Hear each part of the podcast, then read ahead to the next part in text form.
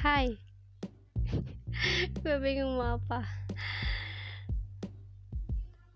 Uh, Di podcast ini Gue pengen banyak sharing ke kalian Tentang puisi Tentang hidup Dan Tentang Menjadi manusia.